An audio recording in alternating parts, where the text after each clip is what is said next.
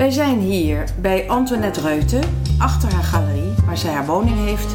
En ik heb een klein gesprek met haar over het waarom van de galerie. Zij draait al heel veel jaartjes mee, dus ik ben heel benieuwd hoe zij haar galerie ervaart, hoe ze die is begonnen, wat haar wensen en dromen daarbij zijn. Antoinette, heel leuk dat ik hier mag zijn en dat ik met jou mag praten over de kunst. Eh, die was altijd al in jouw leven? Van Ja, ja eigenlijk, heel jong eh, kwam ik erachter dat, ik, dat, dat er iets met de kunst was. Dat dat ook in mijn jeugd, dan ging ik tekenen en op een gegeven moment maak je bepaalde ontdekkingen. Dat je weet, ja, ik, ik wil in de kunst eh, verder. En een van die dingen is geweest dat ik eh, al dacht dat er een atelier moest zijn. En het, het idee dat je een eigen ruimte hebt waar je dingen maakt. Waar je, dat, dat heeft natuurlijk met kunstenaarschap te maken, ook al teken je heel braaf. En door mijn laatste jaren op de middelbare school kwam ik eigenlijk vrij plotseling in echttijds kunst terecht. En toen wist ik helemaal, oh ja, dat bedoel ik. Maar je ging niet naar de academie. Nee, ik ging nog niet naar de academie. Het was het laatste jaar van de middelbare school. Ik tekende in, de, in het eh, schoolblad. En ik maakte covers. En dan met hele absurde tekeningen. Het moest al meteen niet meer van gewoon zoals het hoort. Ik geloof dat ik dat al wel al snel voelde. Dat werd ook wel door mijn vader gestimuleerd. Ik kreeg inderdaad in de tuin die we hadden een eh, atelier. Die noemden we Hahasi, wat in de zestiger jaren al heel ja, absurd is eigenlijk. En door mijn logeeradres in het eindexamenjaar bij de burgemeester van Zwolle, de heer Roelen, kwam ik op een of andere manier in een omgeving die heel speciaal invloed, dat heb, je soms in je leven invloed kan hebben. Namelijk, ik kom uit een klassiek huis en tegelijkertijd kom ik daar in een huis met stenen vloer, metalen meubels, van die draadmeubels, eh eigentijds kunst, abstracte kunst. En op een of andere manier was ik daar zo blij mee. Ik vond dat zo, alsof ik het snapte, terwijl ik niet wist wat ik moest snappen. Het voelde En als een dat- soort thuiskomen Ja, voor dat jou. was heel bijzonder. Dus zo eigentijds. Dat je in één keer maak je een sprong. En dan merk je ook, eh, ik merkte dat ook aan mijn gastheer, de, de vader van mijn vriendin, eh, eh, die, die had dat door en die stimuleerde dat. Dus die liet mij, al, hij was bezig met Sonsbeek toen, dus nog voor Sonsbeek buiten de perken, met het kopen voor Zwolle van prachtige, moderne beelden. Hij had zelf ook echt een enorm goed gevoel voor moderne kunst. En toen betrok hij me daarin. En dat geeft stimulans. Het feit dat iemand je betrekt. Van, och Antoinette, kun jij met, eens met mij kijken naar die boeken van Sonsbeek? Wat Jee, daar- wat een kans krijg je dan. Ja, dat is, eh, dan, dan vorm je jezelf. En dat vonden je ouders ook helemaal geen probleem? of die stimuleerden nee, dat ook? Absoluut, want ik, ik gaf toen ook te kennen dat ik naar de academie eh, toch wel moest gaan. En dan hebben we en het dat is over gebeurd. Dan hebben we het over 68. 68. Ja. Jee, dat waren wel een beetje de, 69. de, Ja, de- de hippe jaren. Ja, de, ja, de echte moderne, de omslag eigenlijk. En waar ging je toen naar de academie? Ik ging uiteindelijk in, eh, kwam ik in Groningen terecht, heel kort. Op, eh, dat was wel weer niet zo vrij. Ik moest de lerarenopleiding doen, dus eh, ouderwetse MOA, MOB tekenen en cultuur- en kunstgeschiedenis. Achteraf is dat heel gunstig gebleken, want ik ontdekte dat ik ook heel erg graag over eigentijdskunst vertel. Dus dat, dat kwam eigenlijk in die opleiding eh, naar voren. En dat heb ik gedaan en ehm, uiteindelijk in Den Haag heb ik, die, eh, heb ik die opleidingen afgemaakt. En aan het einde van die studie was ik heel blij dat ik van mijn vader die lerarenkant moest doen. Omdat ik heel goed wist dat ik kan schilderen en ik kan etsen en ik kan tekenen als een Co Westrek bij wijze van spreken. Maar ik ontdekte eigenlijk door een ontmoeting met de eerste grote tentoonstelling van Mark Rothko in het Bormans. Want daar woonden we toen in Rotterdam met mijn echtgenoot. Dat bedoel ik. En toen ik wist dat ik dat bedoelde, wist ik ook. eh, daar Dat- moet je over gaan vertellen. Dat is, dat, dat, dat, dat, is, dat is kunst. En wat ik maak is erg leuk. En eh, dat klopt allemaal wel. Maar ik wil eigenlijk vertellen en in de eigen tijd kunst zijn. Dus jij vond Mark Rothko was voor jou eigenlijk een soort omslag. Ja, was een omslag. Ja. Dat jij dacht, eh, dat is, dat is zo'n vernieuwende kunstenaar, dat ben Ja. ik niet. Maar ik wil wel die vernieuwende geest Precies. overbrengen naar mensen. Ja, en ook de grootheid daarvan. Dus de, de, de grootheid betekent dat sommige kunstenaars in hun eigen tijd maken stappen die wij volgen, die we aanvoelen komen. En dat kun je wel nadoen als, omdat je kunt tekenen en schilderen, maar dat is nog niet hetzelfde als zeggen dat wat hij doet, dat is het. Dat is het. En hij was Dat de eerste die dat deed. Dat, was deed. de grootste omslag om de keuze te veranderen. Dus dat ik geen beeldend kunstenaar zou blijven of worden, maar dat ik, een, dat ik zou willen vertellen waar eigentijdse kunst over gaat. En daar kwam inderdaad je opleiding Ja. natuurlijk van pas. Helemaal. Ik kon zo eh, switchen van eh, het maken en het volgen van eigentijdse kunst naar het vertellen over eigentijdse kunst. Dus de eerste, de beste stage die ik in Boymans had, was eigenlijk meteen een schot in de roos. Want ik kon plotseling heel erg makkelijk vertellen over Rothko, maar ook makkelijk vertellen over Bacon. Dus toen wist ik, ja, dat is het kwartje. En ze in een context plaatsen. Want, Ja. want je zegt, ehm, dit soort mensen inderdaad, dat zijn eigenlijk... Ja, dat zijn de visionairs. Die hebben een, een, een shift gecreëerd in de kunstgeschiedenis, zeg maar. Maar jij eh, had natuurlijk al een heleboel achtergrond en kennis en een liefde daarvoor. Maar ehm, de mensen in het algemeen lopen natuurlijk toch best wel heel erg achter. Eh, ze- Vaak, sommige mensen ja. vinden het al moeilijk om de zonnebloemen van Van Gogh te begrijpen, bij wijze van Ja, spreken. maar dat is ook niet makkelijk, want eh, dat is net als met eigentijds muziek of eigentijdse beeldende kunst. Je kunt ook niet in één keer weten waar iets over gaat. Je moet, je moet aanreikingen geven. Je moet beelden kunnen analyseren en dat vertellen. En eh, ik voelde dat ik dat wilde gaan doen. Dus, dus niet zeggen van je moet meteen snappen waar iets over gaat. Nee, je moet snappen waarom het gemaakt is zoals het gemaakt is. En wat wil die kunstenaar zeggen. En dan, als, dat, als die twee bij elkaar komen en je kunt dat aan studenten vertellen, dan kom je er ook beter achter wat jij zelf eigenlijk als gedachte hebt en welke vorm. Dus je legt eigenlijk hoort. uit hoe je zou kunnen kijken. Of je Ja, gaf ook achtergrondinformatie, ja. kennis. Tuurlijk. En, ik ben ook vrijwel meteen eh, aangenomen op de academie om eigentijdse kunstgeschiedenis te geven. En ik heb daar al vrij snel aan gekoppeld het, eh, het, het analyseren van een beeld. Want als je durft of begint met kijken, waarom ziet iets eruit zoals het eruit ziet, dan kom je er ook achter waar dat dan over zou moeten gaan. En het gekke is dat als je hebt over kwaliteit, dan kun je bijna als je goed kijkt, een tijd kijkt, weten, dan is dat de inhoud van het werk. En als die twee op elkaar passen, inhoud en vorm, dan spreek je over een grote kwaliteit.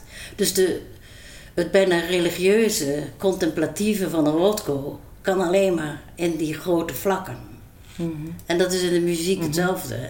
Dus, dus atonaal of tonaal of religieus of niet religieus. Dus als die vormen die passen bij die inhoud, dan heb je het over goede kunst. Maar hoe weet je dat? Dat moet je ook nog leren, zeg maar. Ja, dat moet je leren door gewoon, door gewoon te analyseren hoe ziet iets eruit. Dus bij jou was het niet gevoelsmatig. Jij Het vond... is gevoelsmatig Maar de je keuze. de keuze, Maar het vak is vertellen en de studenten ook uitleggen. Probeer erachter te komen wat je wil zeggen. En probeer dan via die eigentijdse kunstgeschiedenis die ik geef... te kijken naar welke kunstenaar zou ik moeten kijken... om, eh, om meer te weten wat kan ik Ja. dan gaan maken. Ja. Want misschien ben je wel aan het etsen... maar moet je eigenlijk letters op een rij zetten. Dat weet je niet. Hoe conceptueel ben je? Ja, Dat, eh, ja. En dat heb ik al die jaren gedaan. eh, Dus je gaf Academie les Rotterdam. aan- ja, op de aan- Willem de Koning, ja. Ja, dus aan, aan aanstaande kunstenaars gaf je les.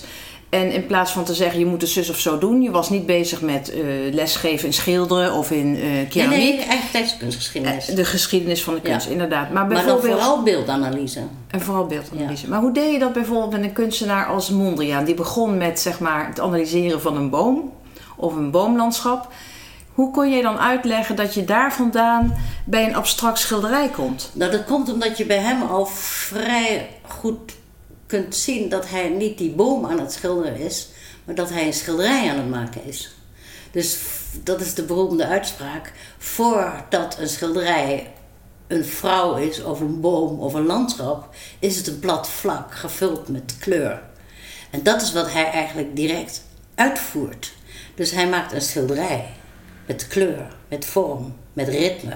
En dan zie je dat hij langzaam dat ritme, kleur en vorm als onderwerp heeft. En dus die boom loslaat. Dus dan is een schilderij een schilderij. En dan kun je helemaal naar die abstractie toe. Want geabstraheerd en concreet, dat is een groot verschil. Ja. En een schilderij is gewoon een plat vlak gevuld met kleur. En als ik dan zeg, doe dan ook maar geen verwijzing meer naar de kleur buiten het schilderij, dan heeft Mondriaan groot gelijk. Dan geen groen en geen lichtblauw, maar gewoon primaire kleuren, want die verwijzen alleen naar zichzelf. En ook geen diagonale afgeleide. eh, Nee, want dat geeft beweging. En het is een, voor hem eh, het, om het zo concreet mogelijk te krijgen. Behalve natuurlijk dat hij wel een rand, niet tot een rand laat komen, want dan krijg je weer diepte. Dus hij houdt die lijn wel binnen het vlak. Dus hij heeft daar echt geprobeerd, geprobeerd, het is hem waanzinnig gelukt, om dat schilderij zichzelf te laten zijn, of te concreet te laten zijn. Als, nog verder dan alleen maar abstraheren. Dat kan je, dat nou net wat je zelf zegt. Hij, hij gaat daarmee aan de, aan de gang. Maar dat was dus een. En, en dat heb je lang gedaan, dat doseren? Vond je, ja, vond je leuk zeker. om te Ik doen? heb dat gedaan van 76 tot 94. En ik ben dat blijven doen eh, als gast. Dus eh, als gastdocent ook op de toneelacademie. En hoe, En hoe kwam je dan de- tot het besluit om, eh, om een galerie te beginnen? Ja, dat is een, ehm, een speciale fase geweest. Dat ik niet alleen altijd wilde lesgeven op één plek, maar ook zelf met die kunst verder wilde. En toen wilde het toeval dat ik eh, ondertussen verhuisd naar Amsterdam. Bij Wim van Krimpen, eh, naast mijn lesgeven, af en toe ging, zijn galerie ging doen. En hij ging eigenlijk verhuizen naar Rotterdam om daar de kunsthal te doen. Hij zei, maar dan blijf ik dit in Amsterdam nog doen en dan zit jij er af en toe in. En daar ontdek je, want hij had hele goede kunstenaars, Isaac Kensken en eh, Rob van Koningsbruggen en noem ze maar op. Was het voor mij heel goed om me te oriënteren eh, wat ik, welke kant ik op wilde gaan met, behalve gastlessen, niet meer vastlessen, eh, wat ik ging doen. Op een gegeven moment kwam Wim met de mededeling, want vanuit, ik ga toch helemaal in Rotterdam eh, wonen, maar ook eh, de galerie eventueel meenemen. Dus ik ga dicht. Oeh, dat was voor mij even best wel wat. Omdat Ja. ik dacht, oh ja, nou oké, eh, wat dan? Ik blijf in die kunst, dat, dat is het natuurlijk. En toen draaide Wim zich om en hij zei, je weet toch wel waar je woont, hè? Ik wist waar ik woonde. Ik had namelijk een hele grote school gekocht van 28 meter bij 8 meter. Zo. Waar ik met mijn twee dochters woonde. Dus eh, De plek Dat was, was niet een gewoon- probleem voor Wim. nee, groot. En ik begreep wat hij zei. Natuurlijk kun je dat gewoon ook thuis doen. Op die maat. En zo is het eigenlijk gekomen dat ik eh, galerie zelf begon. En dat was eh, begin... Dat was of ja, half jaar 92. 92. Ja. Jeetje, ja, toen was er ook alweer een crisis. Zeg maar, eh, begin jaren 90 was het economisch ook niet zo gemakkelijk, hè? Daar heb ik niks. eh, Heb je geen last van gehad? Nee, ik heb er niet over nagedacht. Ik ben, Je bent gewoon ik begonnen. ben gewoon begonnen omdat ik eigenlijk al gewend was om initiatieven te nemen. Ook om les te gaan geven op de academie. Of om juist nu gastles te gaan geven en zelf in die kunstwereld te gaan. Dus, want ik had natuurlijk ook het studium generale op de academie georganiseerd. Dus ik kende heel veel eigentijdse kunstenaars. Ja, want hoe kwam je dan aan je kunstenaars? Hoe maakte jij je Dat programma? was, dat was wel mooi. Bij dat studium generale probeerde ik natuurlijk ook zoveel mogelijk eh, belangrijke eigentijdse kunst in de academie te krijgen. En dat lukte heel goed omdat ik eh, veel steun kreeg van Wim Beren eh, van het Boymans. Die snapte wat ik eh, eh, deed. Kun je even in het kort vertellen wie Wim Beren was? Ja, ja, zeker. Wim Beren was eh, eh, in zijn laatste fase van zijn leven was hij directeur van het Stedelijk Museum in Amsterdam. Maar toen ter tijd, de tachtiger jaren, was hij directeur van Boymans van Beuningen. En dat is een man die heel veel belangrijke stappen gemaakt heeft in de echte actuele echtheidskunst. Dus zeg maar, hij is uh, niet voor niks zo beroemd met uh, Sonsbeek buiten de perken. Om maar iets te noemen, wat een heel oud ding is. Maar ook uh, heel belangrijk, op losse schroeven. Ja. Het zegt het allemaal ja, al. op losse schroeven, buiten de perken. Wim kon ongelooflijk goed de eigen tijd aanvoelen. En, maar ook in het buitenland, hè? Ja, ook in het buitenland, absoluut. En, en we hadden door mijn studium generale en doordat ik echt tijdskunst geschiedenis gaf, op een of andere manier meteen een goede uh, klik. En ik was dat Jozef Beuys naar Rotterdam kwam. Want daar zou Wim een grote solo van maken samen met Martin Visser. De Martin Visser, belangrijke eigentijdse kunstverzamelaar. En maar die werkte daar ook in Boymans als conservator. Dat is eigenlijk heel grappig. Ja, dat is heel bijzonder. Die had daar een mooie baan met een mooi kantoor. Daar kwam ik uh, regelmatig. Antoinette, dus jij werkte um, zeg maar met Wim Beren toen hij directeur was van het uh, Boymans in Rotterdam. Ja. En hoe ging dat? Nou, ik, ik, ik organiseerde op dat moment ook het Studium Generale. En dan probeerde ik eigentijdse kunstenaars of ontwerpers naar de academie te krijgen voor lezingen. En eh, dat ging heel goed. En op een gegeven moment maakte hij een tentoonstelling, een planning over Jozef Beuys, samen met Martin Visser, de verzamelaar.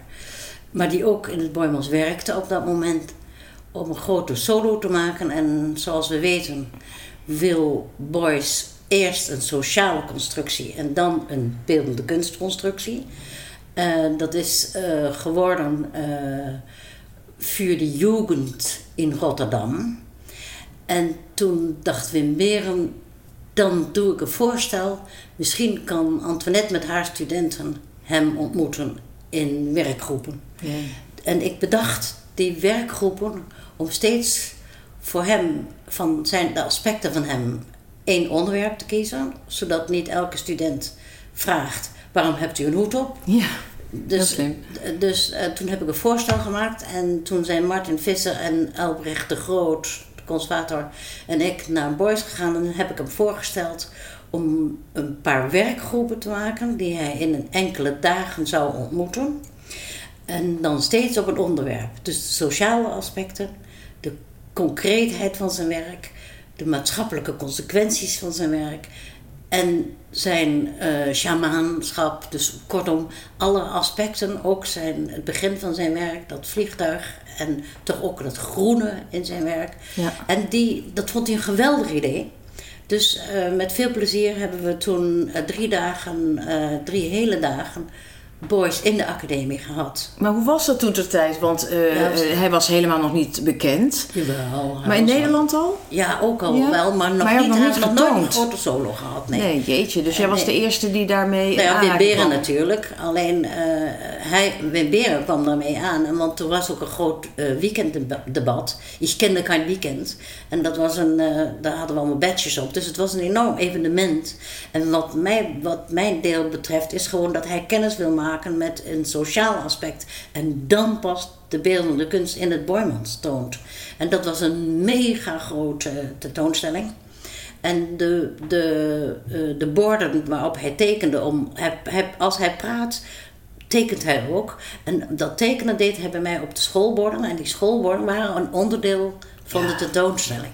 Dus de stond, die waren al op maat. En daar al pratend met al die groepen kwamen wij tot tot zeg maar een concreet kunstwerk wat naar het Boymans ging. En toen werd de beeldende kant gedaan. En van mijn kant heb ik toen gelukkig in, samenwerking met de gemeente het voor elkaar gekregen dat de hele hal van de academie werd belegd met gras. Dus dat je binnenkomt en dan heel zacht op gras loopt. En achter hem waar hij sprak, uh, in een openbaar debat, uh, hadden we het vliegtuig, de gecrashte vliegtuig van hem in eh, Rusland, eh, hadden we zeg maar een agressiever, politieker punt, statement gemaakt. En dat samen was weer was nee, weer, dat is weer onderdeel van het van gehele... het geheel. Het was eigenlijk een evenement. Sociaal cultuur. Ja, ja, precies. Jeetje, ja, dat is wel, wel heel erg... In, en ja, dat, dat zijn dingen die dan altijd uh, uh, door blijven werken. Uh, ook voor studenten. Dat je, dat je dingen probeert te doorgronden en dan ook zo goed mogelijk aanpakt. Maar wat wel heel interessant is in die tijd, want Wim Beren bracht heel veel minimal art, zeg maar. Van die Oh, hele ja, strakke zeker. minimale art. En dan komt opeens zo'n Joseph Beuys, zeg maar een voorloper van de Groene. Ja. Die, eh, die zelfs politiek eh, Ja, heel gelijk stelt aan kunst. Ja, maar dat kan Eh, Wim, hè? Dat kon Wim. Ja, maar nu zie je vaak een beetje meer die vakjes. Ja, dat klopt. Ehm, maar als je bedenkt dat Wim natuurlijk ook Walter de Maria en een van de grootste vloeroppervlakken denkbaar ter beschikking stelde, dan het is een man die al die dingen snapte. Dus eh, of het nou landart is of eh Minimal art of minimal. Zijn laatste tentoonstelling bijvoorbeeld van die hij gemaakt heeft voordat hij met pensioen ging in de stedelijk was eh Kabakov. En dat was natuurlijk ook eigenlijk een enorme sociale sculptuur. Dan moest Ja. je door die nare Oost-Duitse ruimtes. En dan denk je, ja, het is wel Wim Beren die daarmee zijn laatste statement, eh, tenminste openbaar, eh, meegeeft. Dus dat is, wel, dat is wel tekenend voor die man, hoe breed hij was. Maar voor jou eh, was dat natuurlijk heel erg fijn dat je enerzijds te maken had met het maken van tentoonstellingen in museum als het Boymans. Ja, die lesgeven. Nee, jij maakte die niet, maar je was natuurlijk in overleg, zeker met Boys, Ja. omdat het een deel was Ja. van. Maar eh, jij had ondertussen je eigen galerie dan in Amsterdam. Ehm, Dat is daarna, hè? Dat was daarna. Ja. Maar hoe, hoe ging je dan, zeg maar, eh, eh, de kennis en het, kijk, het lesgeven, doseren, komt je als galeriehouder ook altijd van pas. Want je, Ja, je, een deel van je werk is ook het overdragen van kennis. Ja. Het informeren van je bezoekers. Maar het commerciële aspect, verkoop, hoe, hoe ging dat toen? Ja, dat is natuurlijk een heel, een heel ander verhaal. Want je, ik ben altijd wel blijven lesgeven, maar ik heb tegelijkertijd natuurlijk gewoon echt ook een galerie opgezet. Dus eh, kunstenaars, ehm, ik kende natuurlijk heel veel door de academie, omdat ik zo lang heb lesgegeven. Jos van Merendonk en de eerste tentoonstelling maakte ik van een andere oud-student van mij, Hans Schuil. Dat was een tentoonstelling met Hans Hovie. Dus ik, ik rolde vanzelf in, in het kunstenaars ontmoeten. En tegelijkertijd, want dat vind ik belangrijk van een galerie, is dat je een kunstenaar goed toont buiten de context van zijn atelier. Dus dat is het eerste wat ik goed wil doen. En dan natuurlijk moet je ervoor zorgen dat je het verkoopt. Dus eh, eh, dan groei je daar vanzelf in. En het, en het programmeren, dat ging eigenlijk heel, heel snel en heel soepel.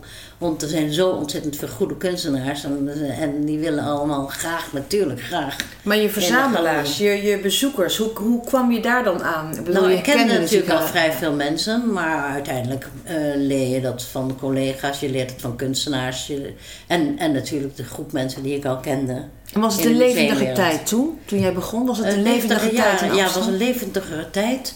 Eh, eh, en, en het grote verschil met nu is ook vooral dat er nog niet zoveel eigentijdse galeries waren. Dus je de- had Art and Project, had je toen? Ja, hè? Art and Project en, en natuurlijk eh, en Akenchi. En die zat toen nog op de andere, op die gracht. En Wim van Krimpen en eh eh, Riekje Zwart en dat soort mensen. En natuurlijk is daarna, na de begin jaren negentig, zijn er veel meer galeries gekomen.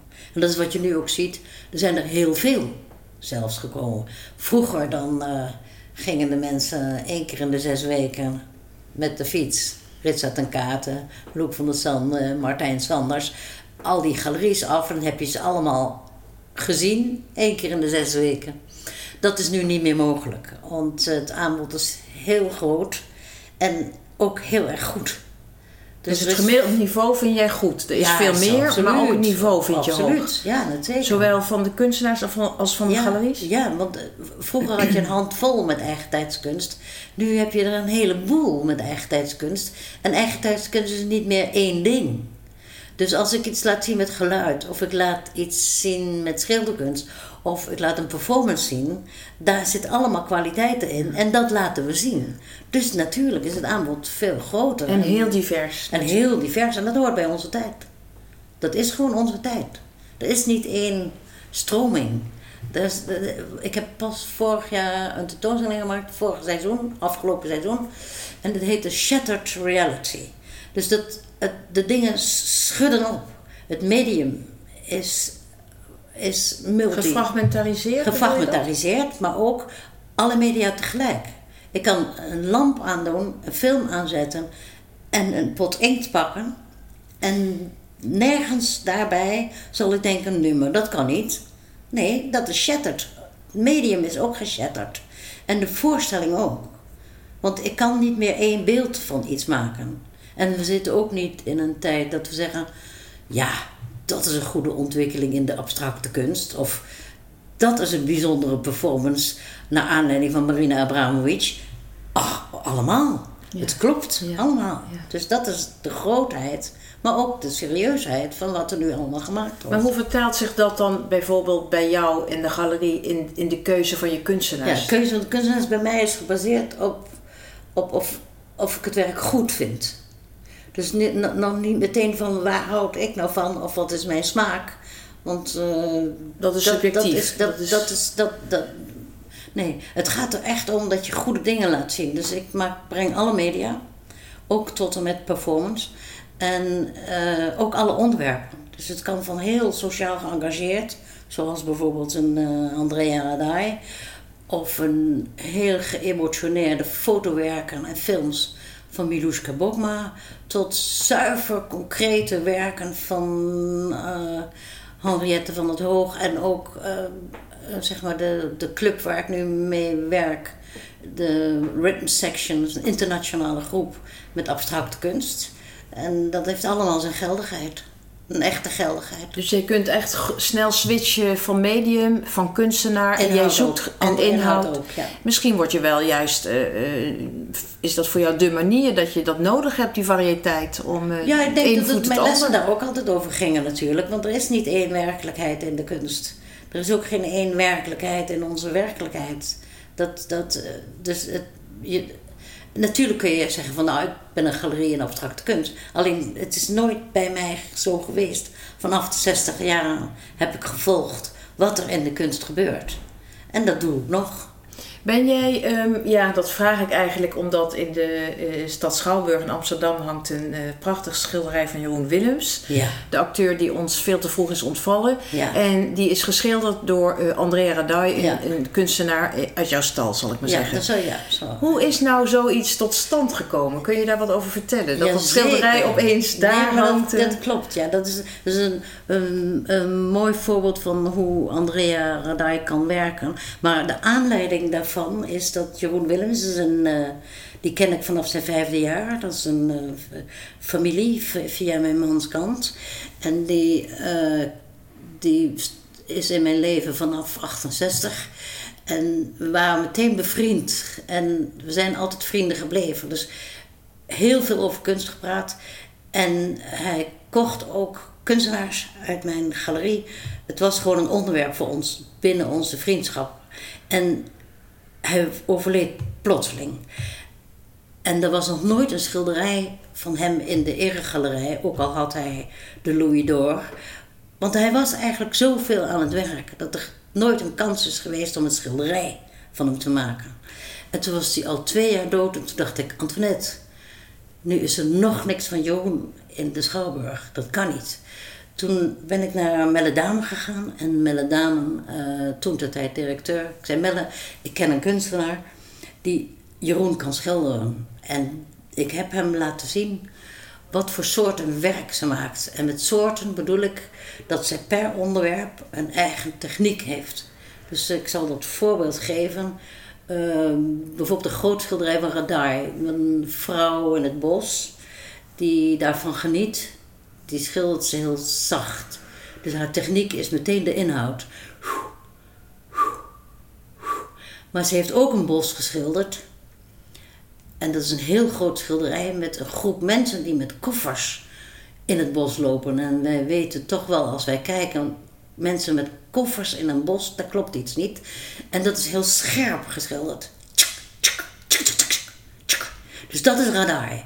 En elk, toen dacht ik, die gaat Jeroen kunnen. Die heeft zijn films bekeken, ze heeft zijn foto's uit zijn toneelstukken bekeken, ze heeft naar zijn stem geluisterd. En die heeft toen, een, naar aanleiding van het gesprek met Mella, heeft ze een grote tentoonstelling hier gemaakt met verschillende aspecten van Jeroen. En uiteindelijk is er een keuze gemaakt van één van de schilderijen. En dat is gekocht door Johan Simons en Elsie de Brouw. Om dat aan het Schouwburg te, schen- Schouwburg te Mooi, schenken. En dat hangt daar. Geweldig. En de rest Ja. heeft allemaal ook bijna allemaal een hele goede bestemming gekregen. Maar wat is dat een mooie rol ook van een galeriehouder om zoiets te Ja. initiëren. En dan een, want je hebt het over toneel, je hebt het over de stad Schouwberg, dat is toch een icoon van de stad Amsterdam. Je hebt een kunstenaar die zich verdiept heeft eigenlijk in de acteur en in de persoon van Jeroen Willems. Ja. Hij is ook weer gelinkt aan jou. ja. Ehm, doe je dat vaak, dit soort eh, verbanden leggen? Eh, Nou, dit was eigenlijk een noodzaak, want Jeroen moet toch echt daar wel komen hangen. Dus dat was een, een urgent ding. Maar eh, ik ben wel geneigd ook als ik, als ik in een onderwijsinstituut ben, af en toe nog gast, gastles geef. Om inderdaad ook op te letten, wat hangt hier, wat... eh, eh, wat kan ik toevoegen? wat kunnen, we, wat kunnen we doen met al die media, ook voor de studenten. Dus ik wijs ze heel erg op beeldende kunst. Het is nog altijd best wel eh, moeilijk voor mensen om te weten wat wil ik eigenlijk, eh, wat zou ik willen hebben. De toegankelijkheid tot eigentijdskunst Wat kunnen we daar steeds. doen? Ja, het beste is natuurlijk sowieso om op te letten in onderwijs eh, dat er kunst eh, moet zijn. En ook niet doorgaan met het afschaffen van kunstprogramma's. van bijvoorbeeld de jonge De Man op de televisie. Ja, Stop ja. daarmee om dat te stoppen. We gaan het waarschijnlijk niet winnen van het geld, maar ik zal toch blijven stimuleren dat in de, in de openbaar op de televisie dat die cultuur niet mag verdwijnen. Want daar hebben we wat aan. Dat is reflectief. Dat, is, dat, dat geeft het beeld van onze tijd. En daar moeten we gewoon mee doorgaan. Ik laat me daarin niet wegduwen. Ik blijf, eh, ik blijf daarvoor pleiten. Dus jij, jij zegt ook, eh, eh, ik ga lekker door met de galerie zolang ik er zin in heb. Dus ik ga er sowieso mee door, ja, natuurlijk. Maar hoe wil jij je dan aanpassen aan, want dat is wel mooi gezegd, eh, eh, de- het geld probeert het van alles te winnen, maar jij gaat gewoon hoe dan ook door. Ja, zeker Maar dat ook moet op ook de nieuwe manier. Hè? Ik ga ook op de nieuwe manier door. Dus, dus En ik- wat is die nieuwe manier? Nieuwe manier is door, door zeker op fora mee te doen als, als internet. Dus de Gallery Viewer bijvoorbeeld, is, eh, eh, dat, dat doe je dan bewust aan mee. Dat is helemaal niet gratis. Dat doe je aan mee, omdat je wel. Tuurlijk snap ik dat ik in 2019 woon. Dus ik heb een website en ik doe zelfs mee aan een openbare website. En er zijn, dat vind ik ook horen bij deze tijd. Dus je- verandert wel. En we weten allemaal nog niet of dat het succes zal zijn. Maar we doen wel samen, eh, proberen we mensen te bereiken. Ja, ja. Alleen er zit wel ook een nadeel aan Instagram en eh, Facebook, maar en van, eh, van die fora als websites van zoals Gallery Viewer of Artsy.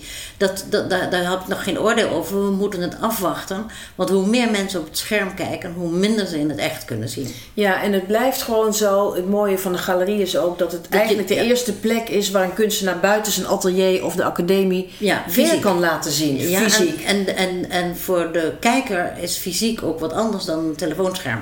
Ja, je hebt de ervaring Ja. of je hebt het Ja. kijken naar iets. En de ervaring is dat je hier in de ruimte je- bent. Dat je, En dat je het zo ingericht, inricht dat je de kunstenaar optimaal overbrengt. Ja. Want dat is natuurlijk ook een belangrijke rol van de galerie. Dat je een tentoonstelling maakt zodat je zeg maar, buiten die context van het maken iets presenteert waar je het kunt gaan, waar je er contact mee kan gaan maken. Dus meestal ook als mensen komen, dan is het heel logisch dat je niet meteen weet wat je moet zien. Dat kan je niet weten. Dus ik geef vaak een beetje een, een, kleine introductie van het gaat hierover. En die handreiking is vaak al veel fijner om daarna mensen te laten zien: oh ja, maar dan weet ik waar ik nu naar kijk. Ja, Want dus- zo makkelijk is dat namelijk nee, niet. Nee, zeker niet En, met en, en al helemaal niet op een scherm. Ja, nee, dat klopt. Nee, maar ook bij schilderijen. Maar tegelijkertijd eh, zie ik steeds meer mensen die zich informeren via het internet. Tuurlijk. En die ja. komen in de galerie en weten eigenlijk al best ve- veel. Jawel. Dus eh, vroeger had de galerie ook nog die taak van het informeren. Ja. Maar nu zie je Nee, vaak maar dat is fijn. Dat is ook, dat is ook fijn. fijn. Dat vind ik ook. En, eh, en dat is ook goed. Alleen je merkt meteen aan het kijkgedrag dat mensen het heel fijn vinden om het fysiek mee te maken. Ja, dat begrijp ik. Dus hoe groot is de afstand tot dat object? Of wat is de materialiteit van eh, eh, de beelden die ik hier zie? Of de materialiteit van een, een, een hele dunne tekening? Ja, maar ook En een de schilderij, maat. dat is gewoon... En de ja. maat moet je niet vergeten. Ja, ook. je hebt hele Ja. grote werken. Hier bijvoorbeeld van bijvoorbeeld Bas Ketelaars. Hele stille, grote eh, eh, eh, tekeningen. Laag over laag over laag. En als je daarvoor staat, dan verdwijn je daarin. En dat krijg je natuurlijk op het internet niet voor Nee, elkaar. dus, dus er valt veel weg.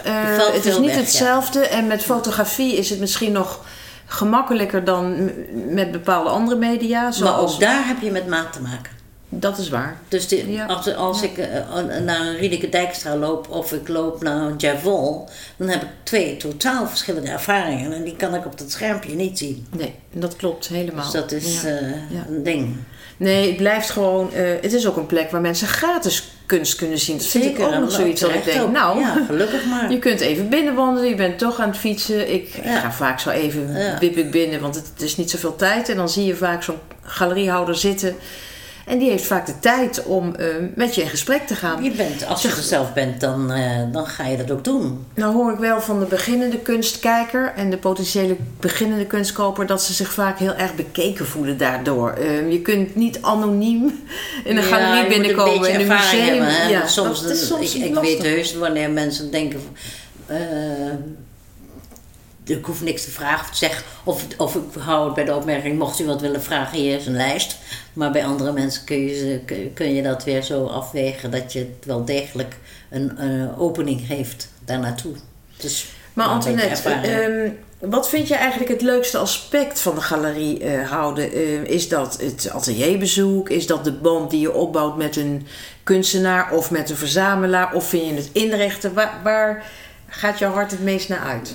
Het meest gaat eruit naar het optimaal laten zien wat een kunstenaar maakt. Wat een kunstenaar wil zeggen. Dat interesseert me het meeste. Dat je een tentoonstelling maakt waardoor je het, het concept van die kunstenaar over kunt brengen. Dat vind ik heel erg fantastisch om te doen. Dus eh, inrichten naar het concept van de kunstenaar. Het tweede vind ik eh, heel belangrijk dat kunstenaars zichtbaar zijn. Dus dat is dan gewoon alleen maar zichtbaar zijn. En dan natuurlijk hoop je dat je voor ze kunt verkopen. Ja. Want dat is. eh, Of pers dat- krijgt ook. Hè? ja, pers ook, ja, maar ook verkopen. Dat je letterlijk. eh, dat het niet weer terug naar het atelier gaat. Dat er bestemming komt. Ja. Een goede bestemming komt voor het eh, werk. Want jij, doet ook, jij neemt ook deel aan beurzen.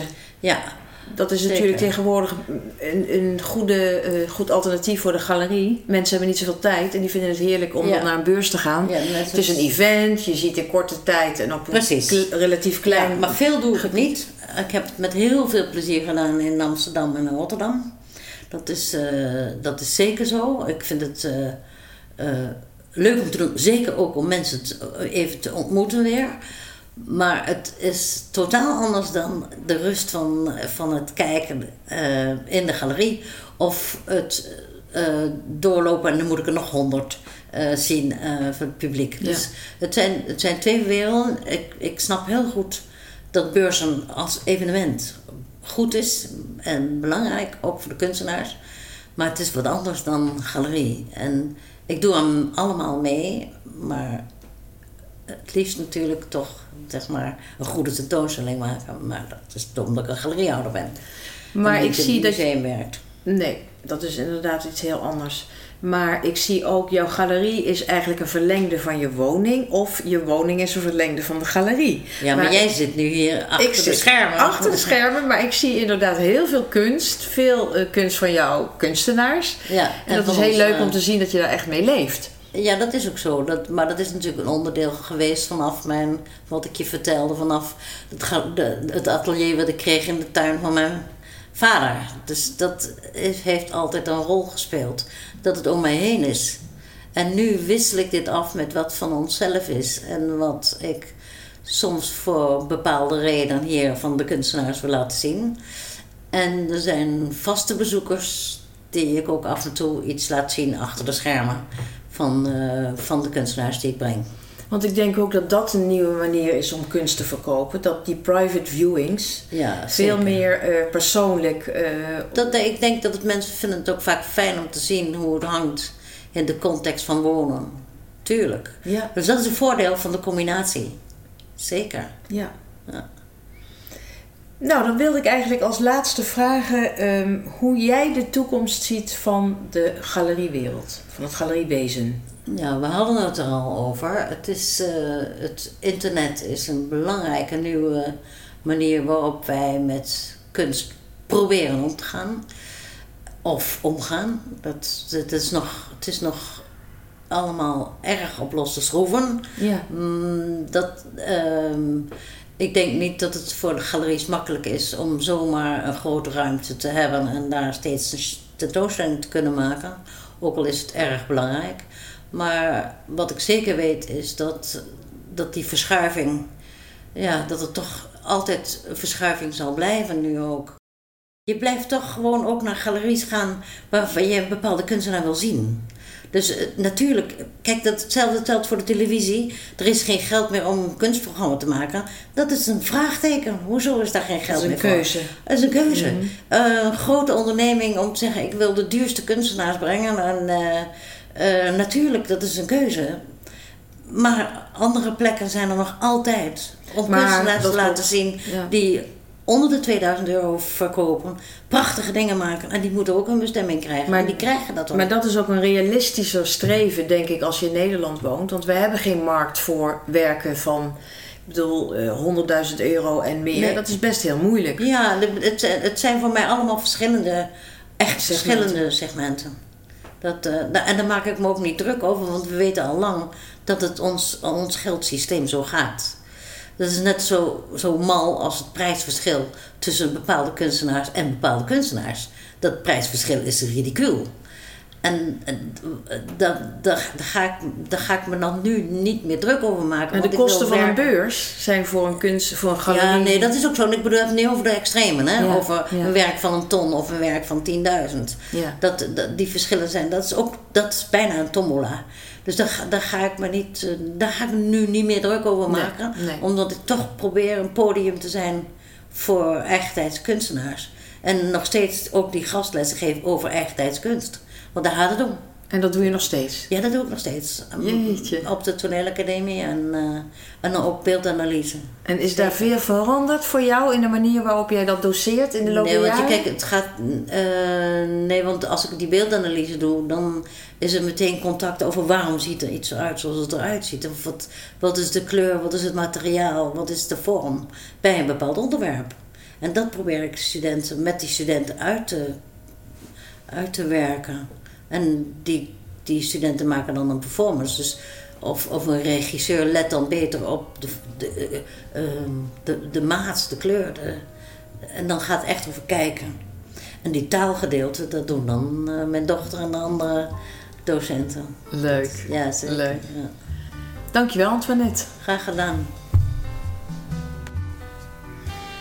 U heeft geluisterd naar Antoinette Reuten in gesprek met Manuela Klerks voor Gallery Viewer.